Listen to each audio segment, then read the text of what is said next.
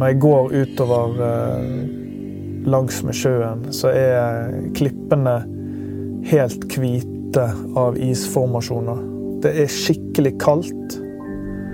Og på veien utover så trakker jeg i en snøfonn, og så hører jeg Vum.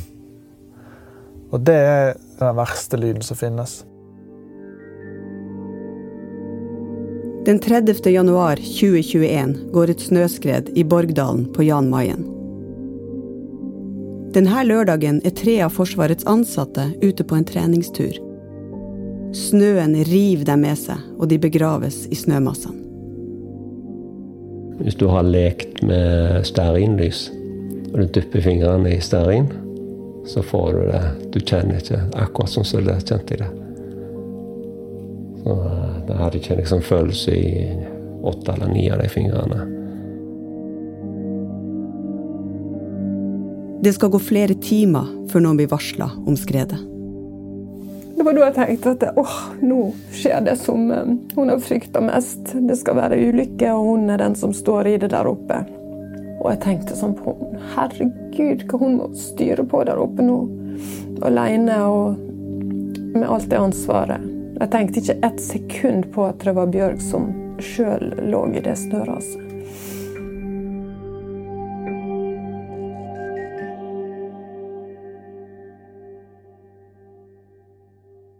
Du hører på Våre historier, en podkast fra Forsvaret. Det her er historien om skredet på Jan Mayen, og episode én, Djeveløya. Jeg heter Tina B. Lykke Christensen.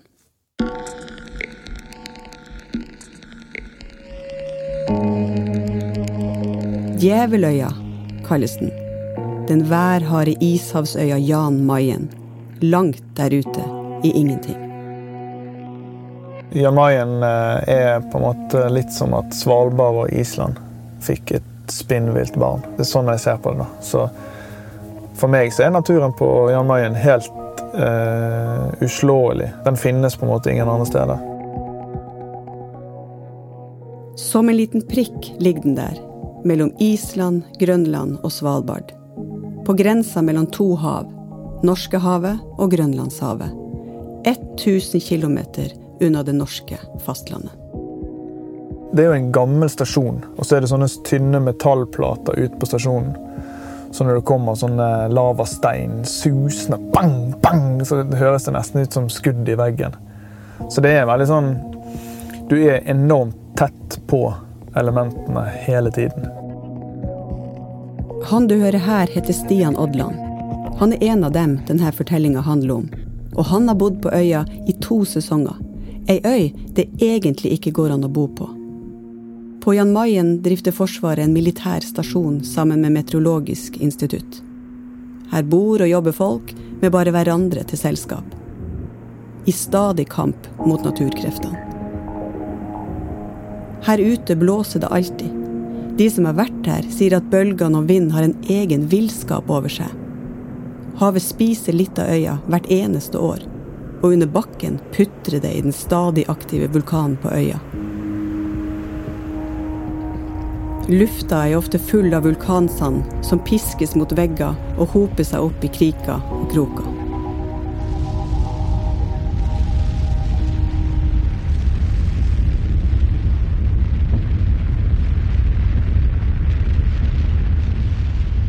Navnet Djeveløya stammer fra irske munker, som antagelig har seilt forbi øya midt i et vulkanutbrudd en gang på 700-800-tallet. Og da så de noe de trodde var djevler i arbeid. De skriver det var ild og røyk og hamring, varmt og farlig, og at steiner ble kasta imot dem. En av munkene gikk i land. Og den munken som gikk i land, gikk antagelig på lava som så ut til å være vanlig stein, men allikevel var fortsatt veldig varm og, og fikk eh, antent sko og, og kjortel. Dette forteller britiskfødte Susan Barr. I mange år var hun kulturvernkonsulent for Svalbard og Jan Mayen. Og hun har også gitt ut bok om Jan Mayen. Fjellet har gjort et sterkt inntrykk på dem. Du har et stort fjell som er det som du virkelig ser. Du kan se det fra ganske stor avstand også. Fjellet de ser, er den legendariske vulkanen Berenberg. Som et monumentalt utropstegn ligger den der, med sine 2272 høydemeter. Som kan ses nesten uansett hvor på øya du befinner deg. Det er verdens nordligste aktive vulkan, og den er en konstant påminnelse om at folk bor på Jan Mayen under dens nåde. Sist gang den hadde utbrudd, var i 1985.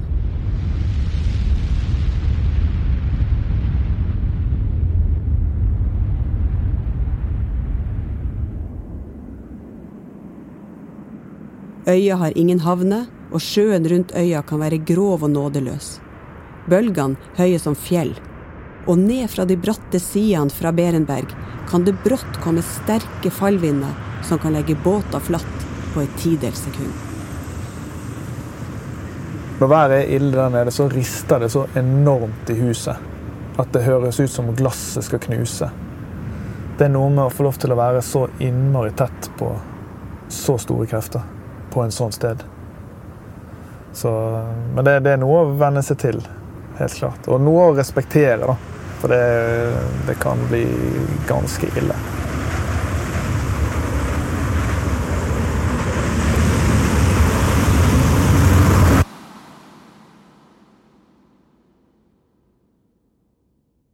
Vinteren 2021 går det et stort snøskred på Jan Mayen. Denne siste lørdagen i januar for tre år siden er ingen forberedt på de enorme snømassene som raser ned Borgdalen, sørvest for Berenberg.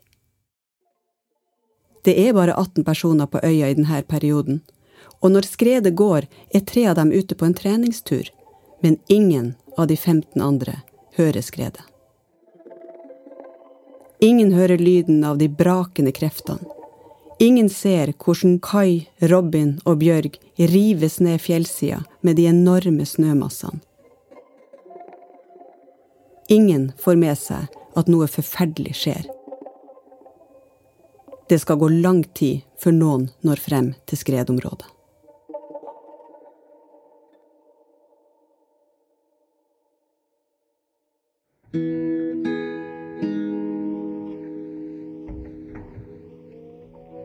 Året før skredet går, i mars 2020, sitter Bjørg Batalden, 57 år, i huset sitt i den lille norske byen Florø, vest i Norge.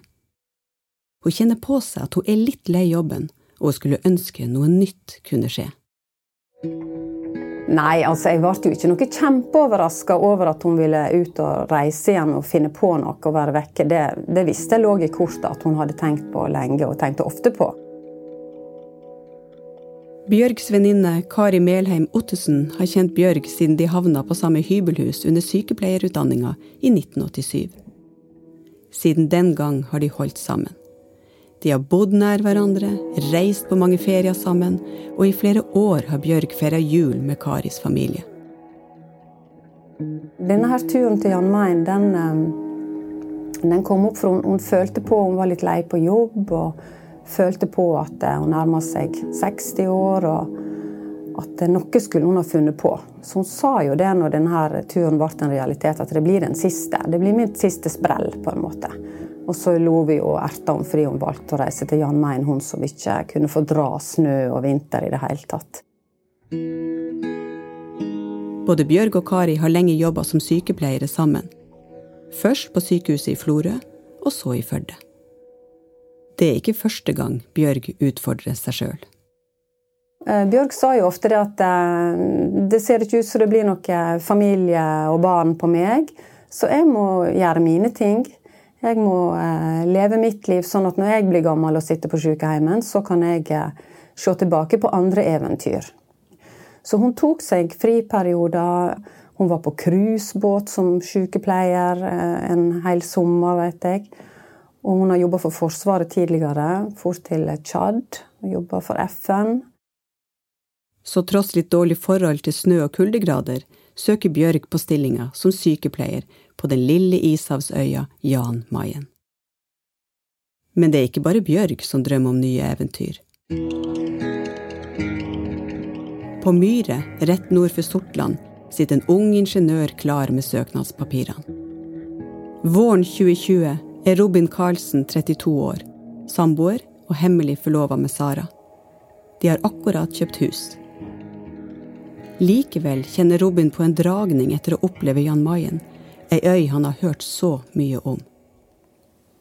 Ja, Robin, han, han, når han hørte om Jan Mayen, så han kjempa for å komme seg dit.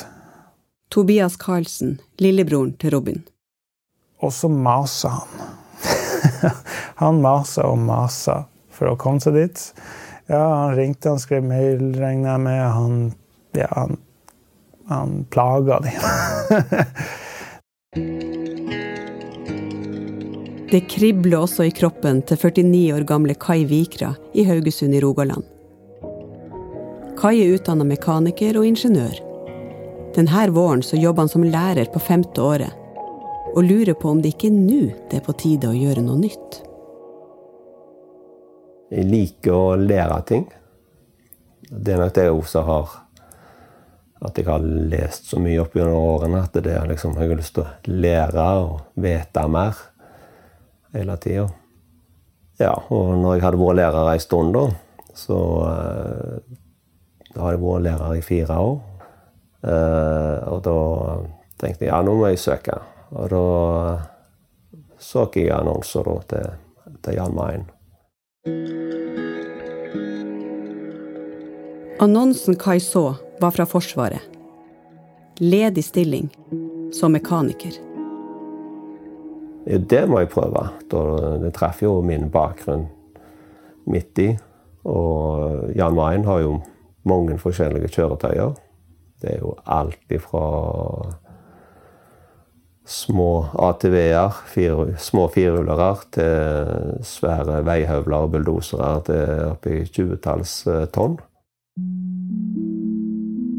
Det er selvfølgelig en fagtung eh, seleksjon, fordi vi har så mange fagkategorier som må fylles for å kunne ivareta hele oppdraget der. Katrine Thorshaug Wang er sjef for Cyberforsvarets base- og alarmtjenester. De har ansvaret for rekrutteringa til Jan Mayen. Alt fra kokk til elektriker til folk som kjører tunge kjøretøy, til eh, satellittkommunikasjon osv. Eh, det er jo et lite samfunn i seg selv, og stort sett bare én av hver som kan ting. Jan Mayen er jo absolutt en ytterkant eh, utkanten av Norge. Norges vestligste punkt. Det Ja, klimaet er jo surt og vått og eh, hele tida, nesten. jeg har alltid likt polarhistorie. Da har jeg alltid lest om alle øyene både i nord og sør. Og ja, fangstfolk opp gjennom historien. Og, liksom, så det har det bak i hodet,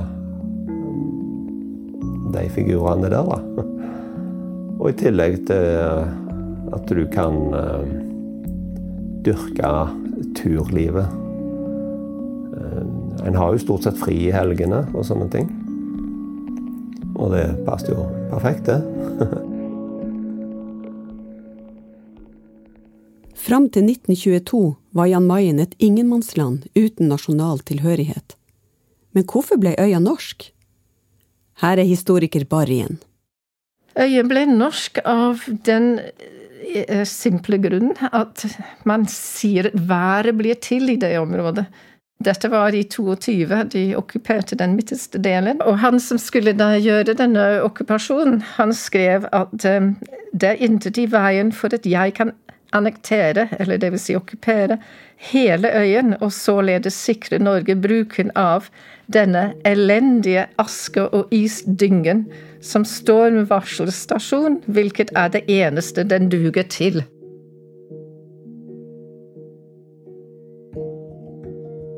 Det ekstreme været gjorde også fangstlivet i havområdene utenfor Jan Mayen farlig.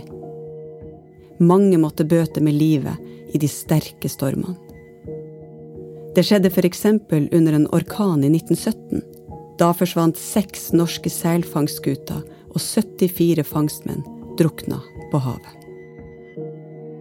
Fedre, sønner ble jo borte på havet fordi polar, lavtrykk og storm kom mens de var ute på havet der, i det området. Og ingen kunne fortelle dem at det kom til å skje. De hadde jo ikke måter å varsle dette på. Og nettopp pga. sånne ting, så ville Og også en storm som slo innover Bergen havn og ødela ganske mye der, så var det ikke bare Norge, men nordeuropeiske land som mente at noen måtte etablere en, varsling, en værvarslingsanlegg på Jan Mayen. For akkurat der ville de observasjonene være stor nytte for å kunne si hva som kommer mot Norge og Nord-Europa. Og sånn ble Jan Mayen norsk. Meteorologisk institutt okkuperte øya og etablerte en værstasjon der. I 1958 fikk også Forsvaret folk på øya. Siden da har Forsvaret hatt en egen stasjon der. Den har som sin viktigste oppgave å hevde norsk suverenitet, altså å være til stede og vise at øya, den tilhører Norge. Tilbake i Haugesund har det gått rundt to måneder, og Kai får svar på søknaden. Du er en av de eh, utvalgte, selvfølgelig. Du har tilfredsstilt alle krav.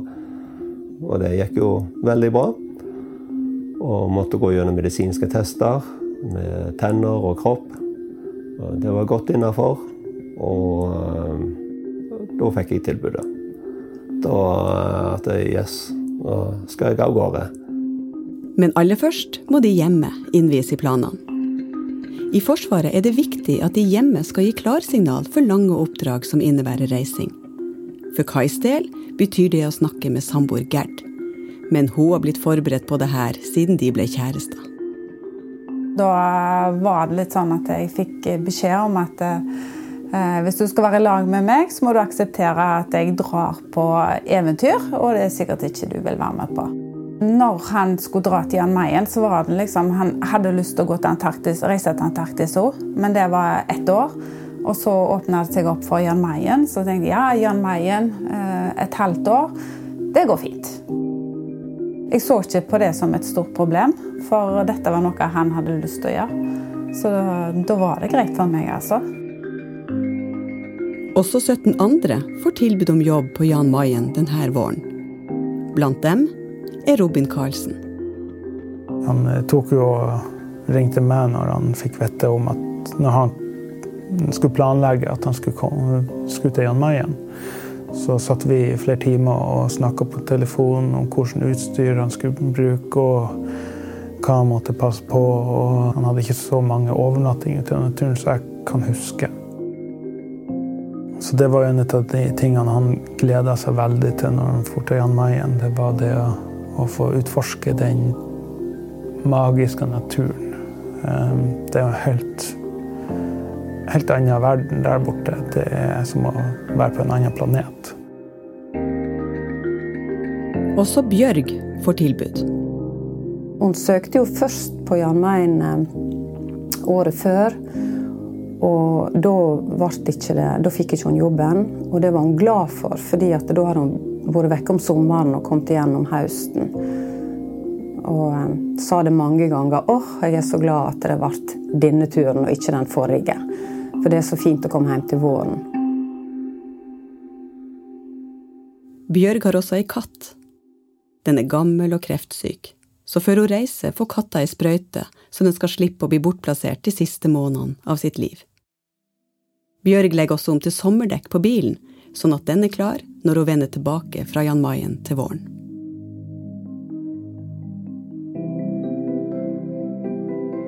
Sommeren 2020 har kommet og gått.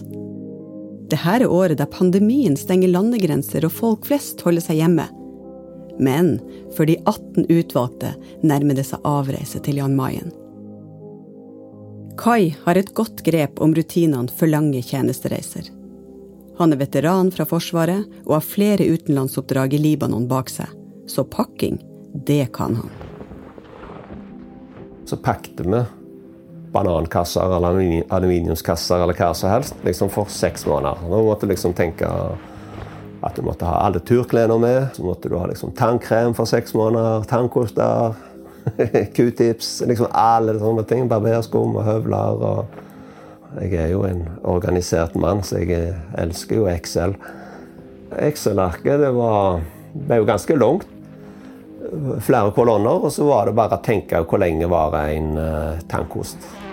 Og da uh, Ja Det varer kanskje en måneds tid, og så ok, da har du seks tannkoster. Og så én ekstra, da, i tilfelle du mister den i do eller noe. Gerd, Kai sin samboer. Men han var veldig morsom når han i forberedelsene sine. For uh, han er ganske systematisk av seg. Så når han pakte, så hadde han vel et Excel-ark som han gikk igjennom med deodoranter, hvor han hadde sjekka hvor mye deodorant han brukte, og hvor mange han trengte å ha med seg. Og det er sånn som vi normalt sett bare rister på hodet, så tenker jeg ja, ja, vi tar fire-fem, og så ser vi hvordan det går. Men det var alt nøye planlagt på denne turen han skulle på da.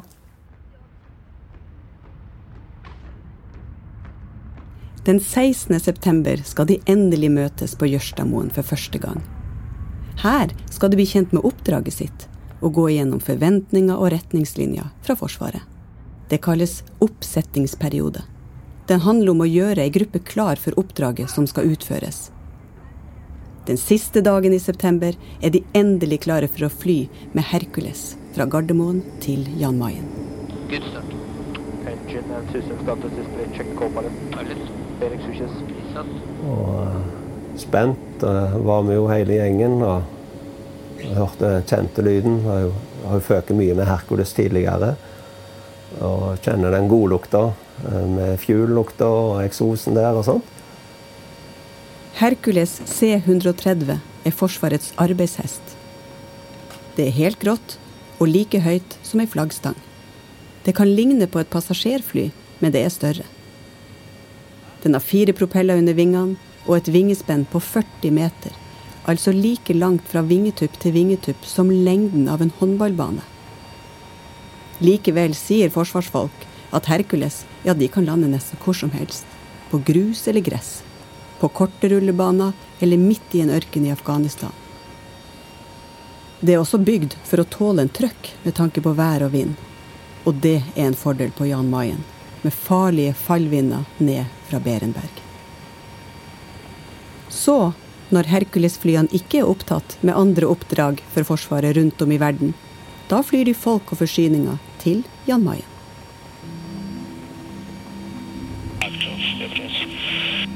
Og når vi gikk inn der, trampa inn i eh, flyet og Ja, alt er jo grått og mørkt inni. Eh, det er masse stag, vaiere i taket.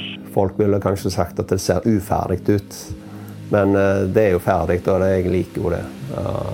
Det du trenger, det er der. Og når du begynner å takse ut på flystripa, så hører du alle servoene, motorene, flapsene på vingene. Hører hun Alt som du ikke hører på et vanlig fly, egentlig. Det er jo, det er jo et transportfly. Og den ene modulen nå, der har de stroppa fast eh, flyseter. Helt vanlige flyseter. Og, eh, og da er det på med headset eller øreklokker eller øreplugger, for det bråker jo. Det er jo ikke brukt ei krone på lyddemping. Det, det bare, ja, Du ser jo ikke ingenting ut, du bare hører masse lyd og akselerasjon. og så kjenner du at du forlater bakken. Da er det i lufta, og da kjenner han legger over og svinger og setter kursen eh, nordgjennom.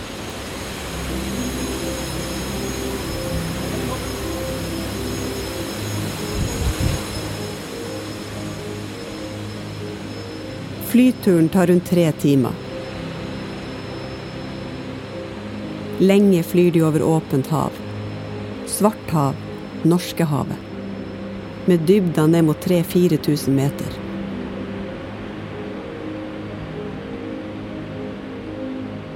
Etter ei lang stund dukker et stykke land opp. Se for deg en liten prikk av ei øy omgitt av uendelig med hav på alle kanter. Brunt og svart fjell, forrevne, bratte fjellsider, skarpe rygger, steinformasjoner som ville fått en ork fra Ringenes herre til å føle seg hjemme. Mennesker blir små i dette landskapet.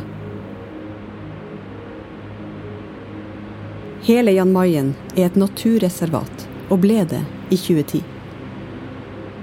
I norden av øya troner den isdekte vulkanen Berenberg. Den er synlig fra lang avstand i klarvær. Det er en såkalt stratovulkan, kjegleforma, høy med bratte sider. Øya smalner på midten. Her er det snillere terreng og lettere å ferdes. Det er på midten av øya du finner flystripa, hvor Kai og resten av gjengen skal lande. For å kunne lande på øya er det mye som skal stemme. Er vinden for kraftig? Eller er tåka for tett? Denne dagen er det klart nok og helt greie vindforhold. Herkulesen lander trygt på flystripa.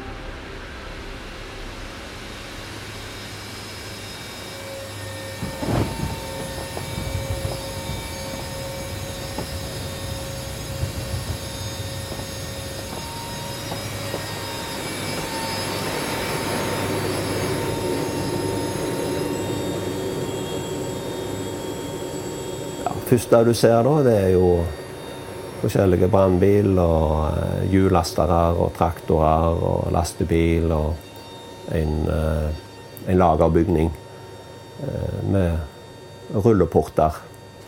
Og et skilt da, så det står med Jan Mayen. Og,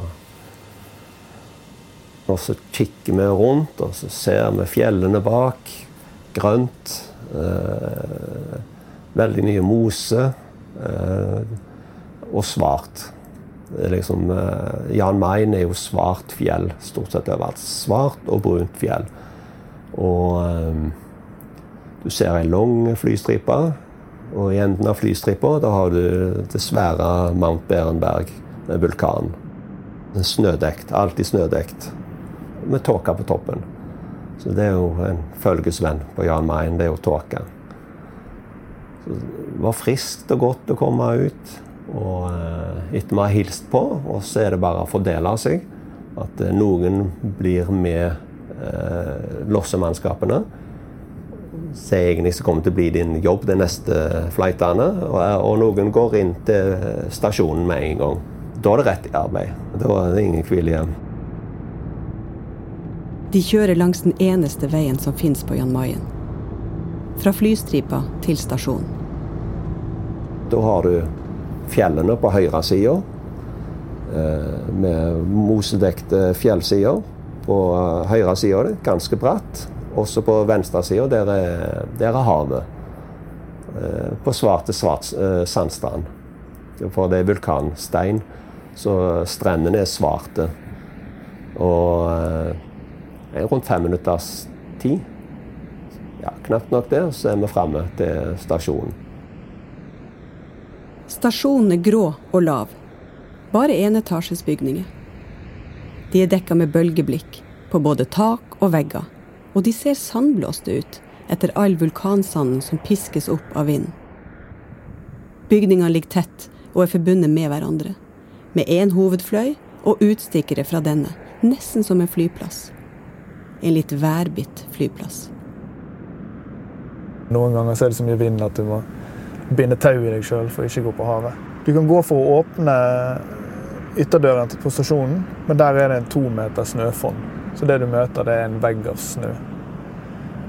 Når det kommer til vind, så er det spesielle på Jan Mayen, det, spesielt på vinteren, er at det er konstant vind. Denne her konstante lyden av vind og hav, den er med hele tiden. Stasjonen ligger helt på kanten til storhavet. Så når, eh, når dønningene fra stormene ute på havet kommer inn, så er det akkurat som du Det er nesten så det rister i hele stasjonen når bølgene slår mot land. Alt er stroppa fast med stålvaier, som går i påler ned i bakken for å sikre at ingenting blåser på havet. Um. Her er historiker Barr igjen. Opprinnelig så var det mange som eh, ble tatt inn som telegrafister og andre for, som kom fra utenriksfart. De hadde vært på båt. Og de følte at de nesten var på båt fortsatt i disse bygningene. fordi når vinden røsket i bygningene, så kunne du føle den bevegelsen. Uh, og noen har vært litt uh, redde, at kanskje de ikke ville holde, men det gjør de. Andre ville kanskje spurt seg om det her er trygt Kommer jeg til å trives? Får jeg sove om natta? Kai er litt annerledes skrudd sammen. Ja, jeg syns det er kjempekjekt. Det er når jeg er kommet hjem. Er, I hodet mitt så er det liksom Det er min optimale bygning. Det, det er trygt. Det er lagd for noe. Eh, det er konstruert for noe, og du skal tåle det. Og jeg syns jeg trives veldig godt i det. Praktiske bygg. Eh, det er akkurat som et, eh, et yrkesskip som det er om bord. Det er liksom det er lagd for en oppgave. De 18 nye beboerne blir innlosjert i hver sin lugar. Lugar heter det, som en arv etter de tidligere sjøfolka som jobba på stasjonen i starten. Og selv om de nå er borte, så har den gamle sjømannssjargongen blitt hengende ved. Alle har jo hver sin lugar. Eh, der det er ei seng, eh, ei lita sittegruppe med sofa eller stol og et bord. Eh, noen har TV der inne. Det er ikke alle. Ei bokhylle, et nattbord. Det er vel Og ja, også en vask. Så du kan ta på si, morgenstellet i, i lugaren, da, kan du si. Men du må gå ut for å dusje og toaletter og sånne ting. da. De første dagene er det folksomt i stasjonsbygninga på Jan Mayen. Da bor både den gamle og den nye besetninga på stasjonen sammen for å ha en overlapp på oppgaver og rutiner. Det serveres kake i salongen klokka tre. Velkommen skal dere være. Etter ei ukes tid skal den gamle besetninga flys tilbake til fastlandet. Og når det fyker igjen da, så eh, er det jo en spesiell følelse. Da er vi alene. Da er det oss. Og på middagen da, i fem-seks-tider, så er det bare Jøss, yes, nå er det rolig. Da er det bare oss eh, få. 17-18 personer. Nå begynner hverdagen for Kai og de andre. Vi går jo på jobb hver dag. Eh, det begynner vel halv åtte. Arbeidsdagen på Jan Mayen varer like lenge som en vanlig arbeidsdag på fastlandet. Eh, vi styrer jo alt sjøl på Jan Mayen. Eh, sånn som brannbilen. Da har vi jo eh, brannvesenet, kan du si. Ja, og flytårnet òg. Det opereres jo av elektronikkavdelingen. Og vi er jo en beredskap for fiskerflåten, og historien har flere historier om at de fiskerflåten har syke folk. At de tar de inn til land på Jan Mayen, altså at helikopter eller fly kan lande på Jan Mayen.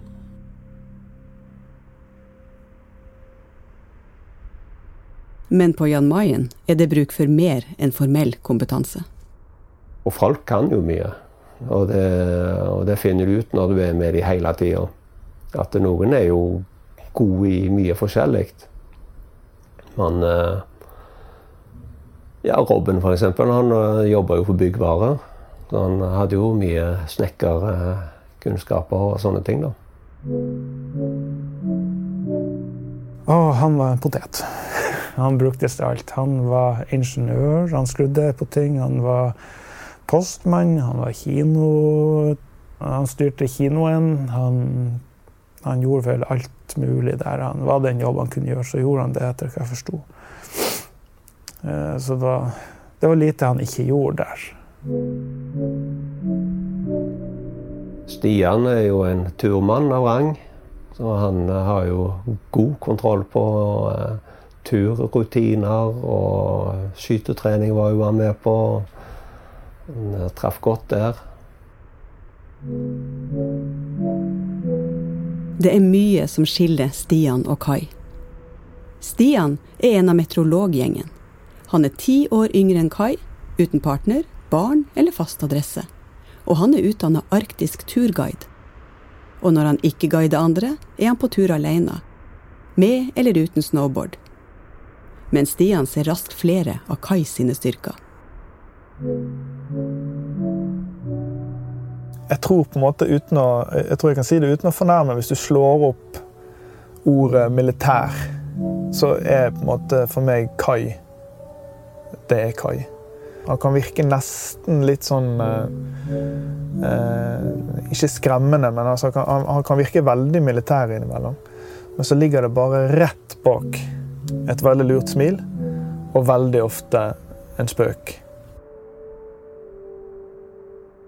Også Bjørg fyller mange roller.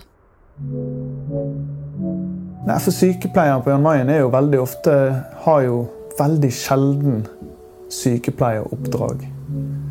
Så det er veldig mye at de holder på med og de styrer butikken og, og styrer i baren. Og, og, og, på en måte òg er bare til stede som en sånn eh, som, som, som, kan føle litt rundt hvordan folk har det. Og det samme med Bjørg òg. Myk og trygg og god. Akkurat sånn som du vil ha en sykepleier på en plass som Jan Mayen, der sykepleieren er så mye mer enn en sykepleier. Allerede første uken så kjente jeg sånn at her har jeg vært heldig. For dette her er en spesiell eh, gjeng. I løpet av de første tre ukene så begynte jeg å kjenne sånn dette her er en ishav, dette er en familie. Jeg har hørt liksom begrepet ishavsfamilie. Men det var sånn det føltes. sant? Det er en sammensveisa gjeng, for vi vet liksom at det er oss. Det er ikke vits i å bli uvenner eller noen ting. Og er det noe som gnager som vi ikke klarer å løse sjøl, så får vi heller ta det via HMS-møte eller via stasjonssjefen eller sånne ting. Det å få ha et sosialliv som er omtrent uten mobiltelefoner.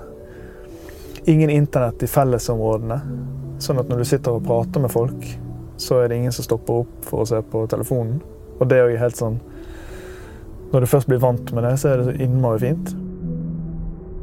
De har kanskje dårlig internett, men til gjengjeld har de eget svømmebasseng. Vi har et uh, lite basseng utendørs som heter Playa del Alge. Som egentlig er sånn, sånn reservereservoar for brannbilen. Men den viktigste misjonen Playa del Alge har, er jo samlingssted. Og så er det plass til at alle kan sitte på en benk rundt. Så når du sitter der da, med akkurat bare nesetippen over vann, stiv kuling, fem minusgrader, snøføyk, og så sitter alle der ute i vannet og har det varmt og godt. Det er sånn at jeg kjenner det langt inn i hjertet bare jeg tenker på det. Det er, det er sånne, det er sånne klassiske Jan Marien-øyeblikk. Eller de sjeldne gangene der du sitter ute i samme bassenget, men det er helt stjerneklart, og nordlyset er så sterkt at du kan ta på det. Så det, det kommer da innimellom det som kan føles som uendelige dager med eh, drittvær så kommer det øyeblikk som er så fine at alt annet forsvinner.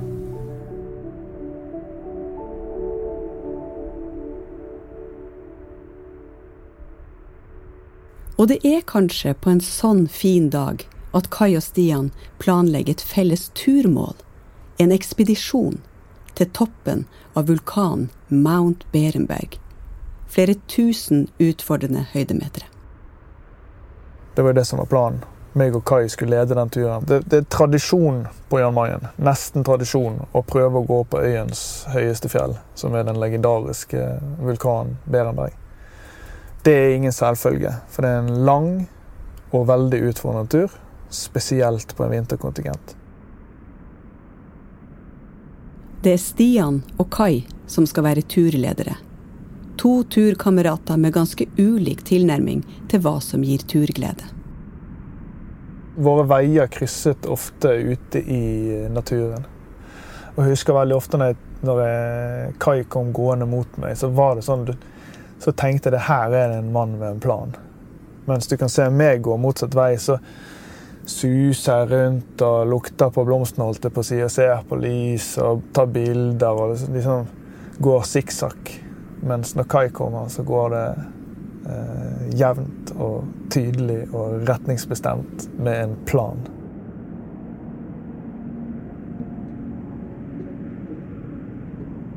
Kai har vært i Forsvaret lenge, og han har vært befal i Nord-Norge. Han vet godt hvordan det er å bevege seg i skredutsatt terreng, med ansvar for mange andre. Det er ikke alle turer på Jan som er for alle. Mens hvis du går for med en sånn som kai, da, så kan du få deg en, en litt annen turopplevelse. Fordi man kan forflytte seg litt lenger eller strekke, strekke seg litt lenger. Så han var veldig viktig, viktig i den eh, friluftskompetansen som, som, faktisk trengs der ute. Og trygt å ha med tanke på igjen, hvis noe skjer ute i felt, så vil jeg helst at Kai skal være så nærmt som mulig. Meg og Kai vi ble enige om at vi har kompetanse nok til å gjøre dette her, så lenge vi forbereder oss eh, godt nok. Så da eh, tok vi ut en gruppe som, som, på en måte de som meldte seg, som ville være med på dette her. Og så, det var jo derfor vi skulle jo gjøre Berenberg sammen, som et team. Det er åtte-ni stykker som melder interesse for å bli med til Berenberg. Blant dem som melder seg, er Bjørg og Robin. Og eh, de var litt mer sånn spente og litt mer usikre på om uh, dette ble for mye for dem. Så de veldig, både Bjørg og Robin var veldig ærlige på at de hadde egentlig lyst til å teste litt først. Og det er jo det som er turen uh, over Borga. Det er første testturen for å se om, eh, om de føler seg klar. Robin gleder seg. Han har alltid hatt et godt og nært forhold til naturen. Det forteller broren Tobias. Vi brukte naturen som en lekeplass. Eh, vi var ute hele tida når vi var små. Det, vi, vi, brukte båter, vi seila, vi rodde. Vi, så vi brukte jo naturen hele tida, og han, han elska det. Og, ja. Bjørg bruker også tid på forberedelser og trening. Det skriver hun i et julebrev som venninna Kari får. Her var det. Helsedelen av jobben er ikke akkurat prega av de store tinga, heldigvis. Det er en flokk med spreke ungdommer og noen ikke fullt så spreke litt eldre, som tar seg helt ut i innebandy og på treningsrommet. Nei, jeg er ikke en av dem. Jeg holder meg til tredemølla og romaskiner, og en og annen tur opp en knallbratt bakke som ligger like bak stasjonen. Det er skikkelig god motbakketrim. Kan få hjerteinfarkter mindre, men skal en ha sjanse å komme seg opp på Berensenberg til våren, er det bare å stå på. Norges eneste aktive vulkan. Jeg må i hvert fall prøve. Så det var masse spenning i gruppen og nerver. og meg og Kai var veldig, sånn, var veldig på hugget og hadde begynt å avtale taurutiner og utstyr og, og, ting. Ballen var begynt å rulle veldig bra. Etter hvert så det begynte å nærme seg uh, nyåret, når sesongen uh, kom for å bestige Mont Berenberg. For uh, vi begynner, skulle, jeg skulle begynne å planlegge at du forbereder kroppen på en lang, en lang gåtur. Så da var det, var det på en måte en Bereberg-gruppen det da et, eh, skulle da være et fast innslag. Gjerne én til to ganger i uken. Med en kombinasjon av å være inne i gymsalen og jobbe med knuter og taurutiner og taljesystemer. Og så ta det ut og, og, gå på tur og øve på det. Så vi tok på en måte Både meg og Kai tok denne rollen veldig seriøst. Og ville aldri ha eh, Vi ville aldri ha gjennomført hvis ikke vi hadde følt at vi har alt på stell og er langt innenfor marginene til hele gruppen. Så Derfor var det òg veldig viktig for oss å ha en testtur med de som eh, føltes litt mindre eh, Gjerne kanskje på det fysiske, som var litt usikker på om turen ville bli for eh, lang. Når nyttår nærmer seg, er de godt i gang med opptreninga til Berenberg. Og nå nå nærmer det seg testturen over Borga. Og eh, det var meg og Kai og Bjørg og Robin som skulle gå den turen.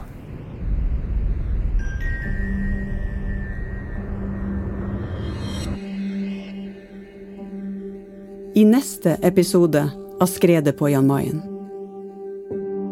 Kai har snø opp til hoftene. De er helt låst fast.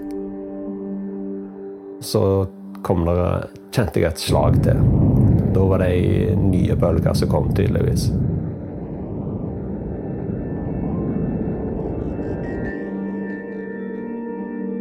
Du har hørt Djeveløya, den første episoden i serien Skredet på Jan Mayen. Våre historier er en podkast fra Forsvaret. Lyddesign Hans Kristen Hyrve. Manus, research og intervju er ved Hege Svanes. Regi er ved Ragnhild Fjellro, som også er produsent. Takk også til Lars Hallingstorp og Jørgen Lyngvær. Fortellerstemmen er ved meg, Tina B. Lykke Christensen, som er ansvarlig for innhold og produksjon i Forsvaret kommunikasjon. Vil du vite mer om Forsvaret og Jan Mayen? Da går du inn på forsvaret.no.